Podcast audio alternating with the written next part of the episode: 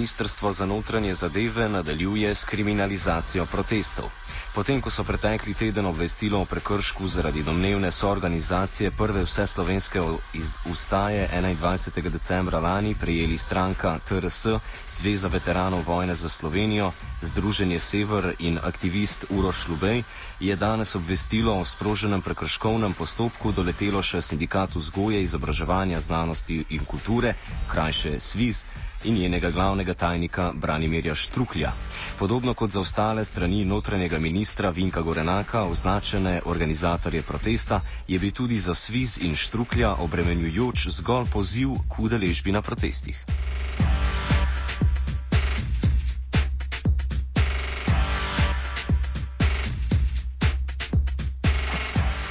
Sindikatu vzgoje in izobraževanja so, podobno kot ostali ožigosani, takoj zanikali povezave z organizacijo protesta. Poziv na udeležbo na njem pa je nastal zgolj dan pred samim dogodkom.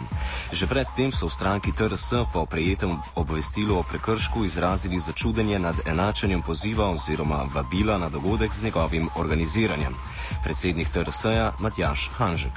No, stranka TRS ni bila eh, organizator, smo pa seveda na svoji spletni strani pozivali, da se ljudje uh, udeležijo. Med uh, pozivanjem in organiziranjem je pa velika razlika. Uh, mi smo tam uh, sicer napisali svoj manifest, kaj pričakujemo od oblasti, uh, in uh, samo en delček je bil zraven uh, informacija o protestih.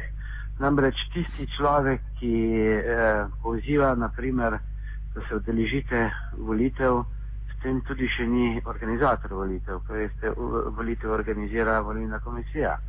Tako kot se predsednik vlade Janez Janša, ki je pozival ljudi na ulice in ceste in trge in kamorkoli že, tudi ni eh, eh, organizator teh volitev, ki so bili zdaj ta petek, pa prejšnji petek, pa soboto, pa tako naprej čeprav so ga morda ljudje celo poslušali, pa še prišli zaradi tega na volitve. Tako da eh, to je malo skrte zvito. No.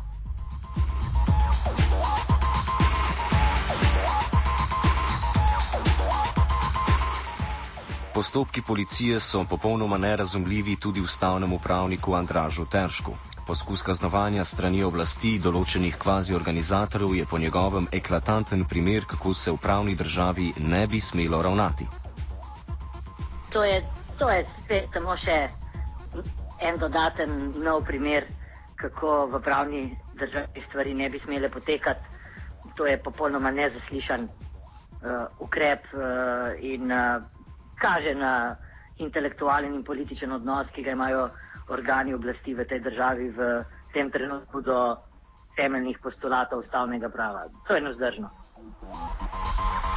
Thank you.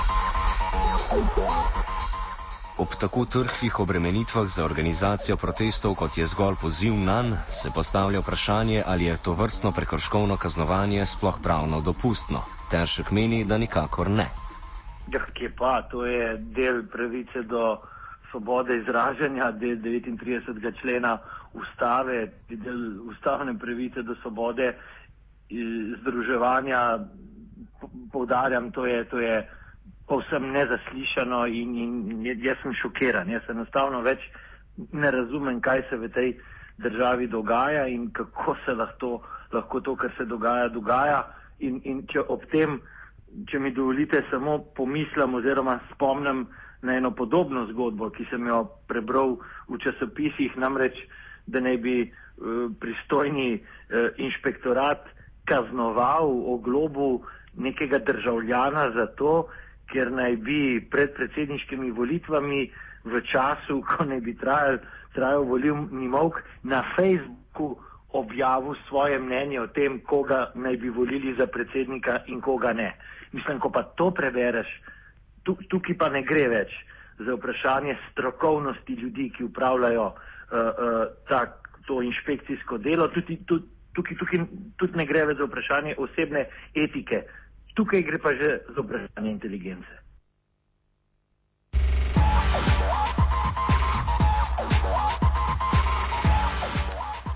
Poskusi kriminalizacije protestov, ki se po Sloveniji spontano odvijajo že vse od začetka decembra, segajo v začetek mariborskega vrenja proti županu Francu Kanglerju, ko je notranji minister Gorenak na ulicah Maribora rohnel o nelegalnosti tovrstnih protestov. Kasneje je Janševa vlada sicer obljubila, da bo spoštovala miroljubne in dostojne proteste, tudi če bodo ti spontani, a očitno s figo v žepu.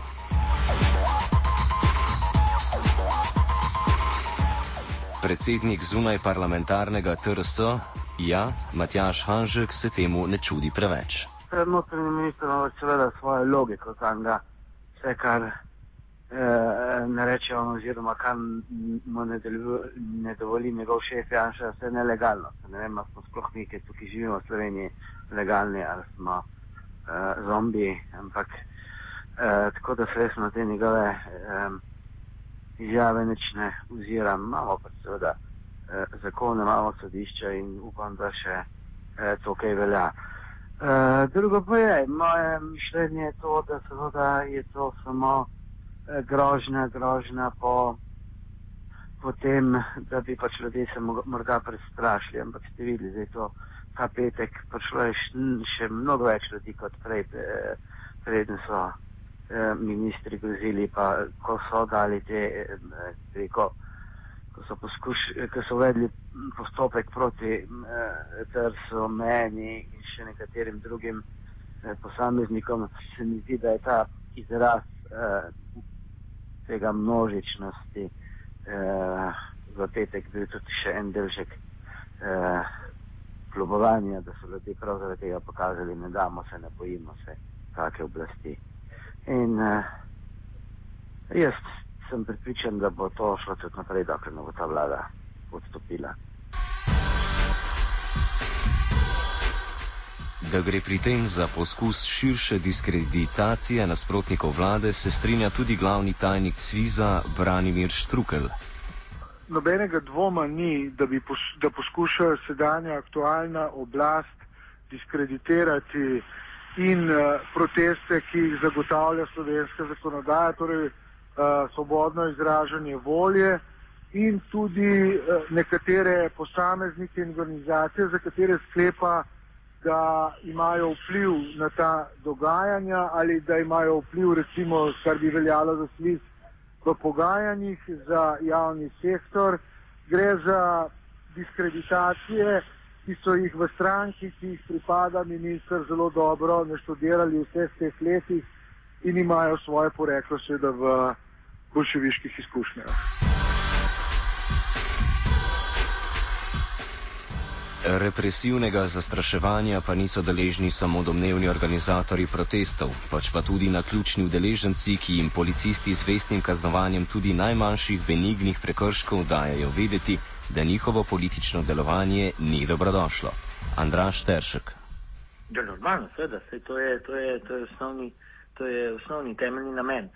Je pa, je pa eh, tudi to mogoče povezati z eno drugo miselnostjo in sicer z, z nekim splošnim prepričanjem oblasti, kakšna je, kakšna je funkcija policije. Ne. Pri nas se je uveljavilo prepričanje, da je policija koristna samo takrat, kadar državljana kaznuje oglobi. To se recimo jasno kaže tudi pri politiki pre, prometnih pre, prekrškov. Naprimer, pred dnevi smo spet lahko poslušali v medijih, kako je policija napovedala, da bo do nadaljnega tiho stavkala na, na ta način, da bo za majhne prekrške opozarjala, za večje pa izrekala globe. Za božjo voljo, sej to bi moglo biti vsakodnevno delo policije, sej tudi sicer bi policija morala za manjše prekrške, nepomembne, samo opozarjati in bi preventiven organ za večje pa izrekati globe. Pri nas je, pri nas je razum postal postavljen na glavo. To, tukaj, tukaj ni več nobenih minim, minimalnih standardov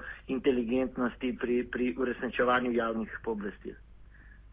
Še zadnje vprašanje, koliko je meni znanje bilo to, to vrstno kaznovanje eh, domovnih organizatorjev protestov prvo v Sloveniji, verjetno ne gre za neko starejno prakso, ampak čisto politično potezo. Kako vi to si razlagate? Ja, bi se načeloma lahko strinjal s to ceno.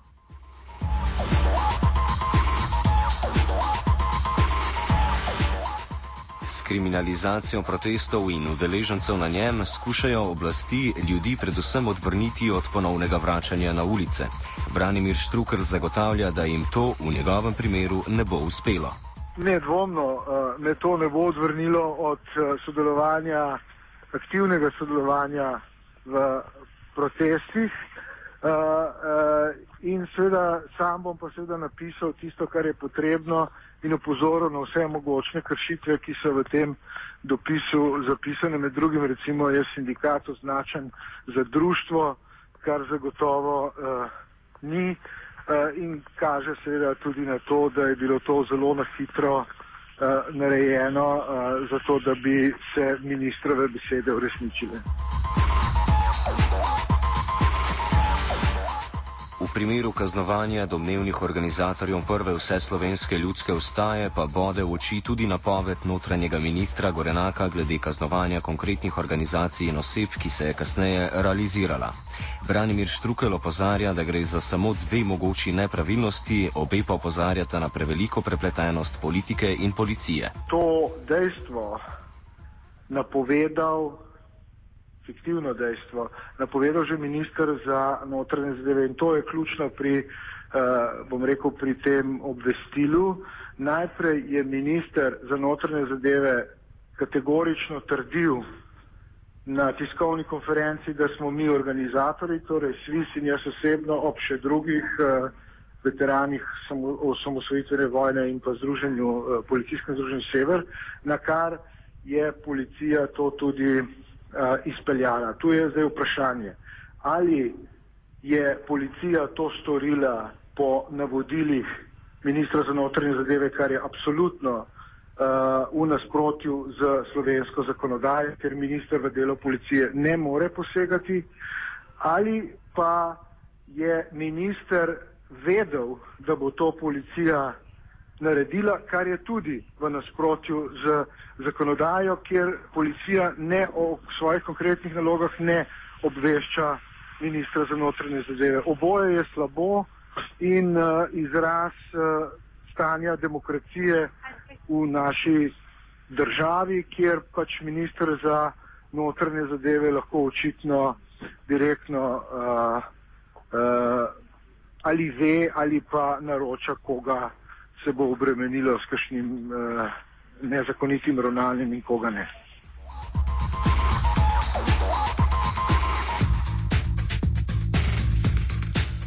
Očitno prepletenost notranjega ministra in policije, ki pa se po njegovem še povečuje, opaža tudi ustavni pravnik Andraš Teršek. Ja, to, to je več kot očitno. Ta, ta, ta povezava med delom policije in političnim razmišljanjem uh, ministerstva je postala uh, precej očitna.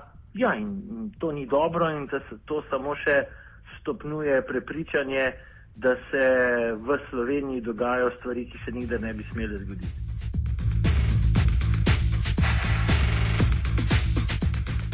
Offside je pripravil Nate Marcin.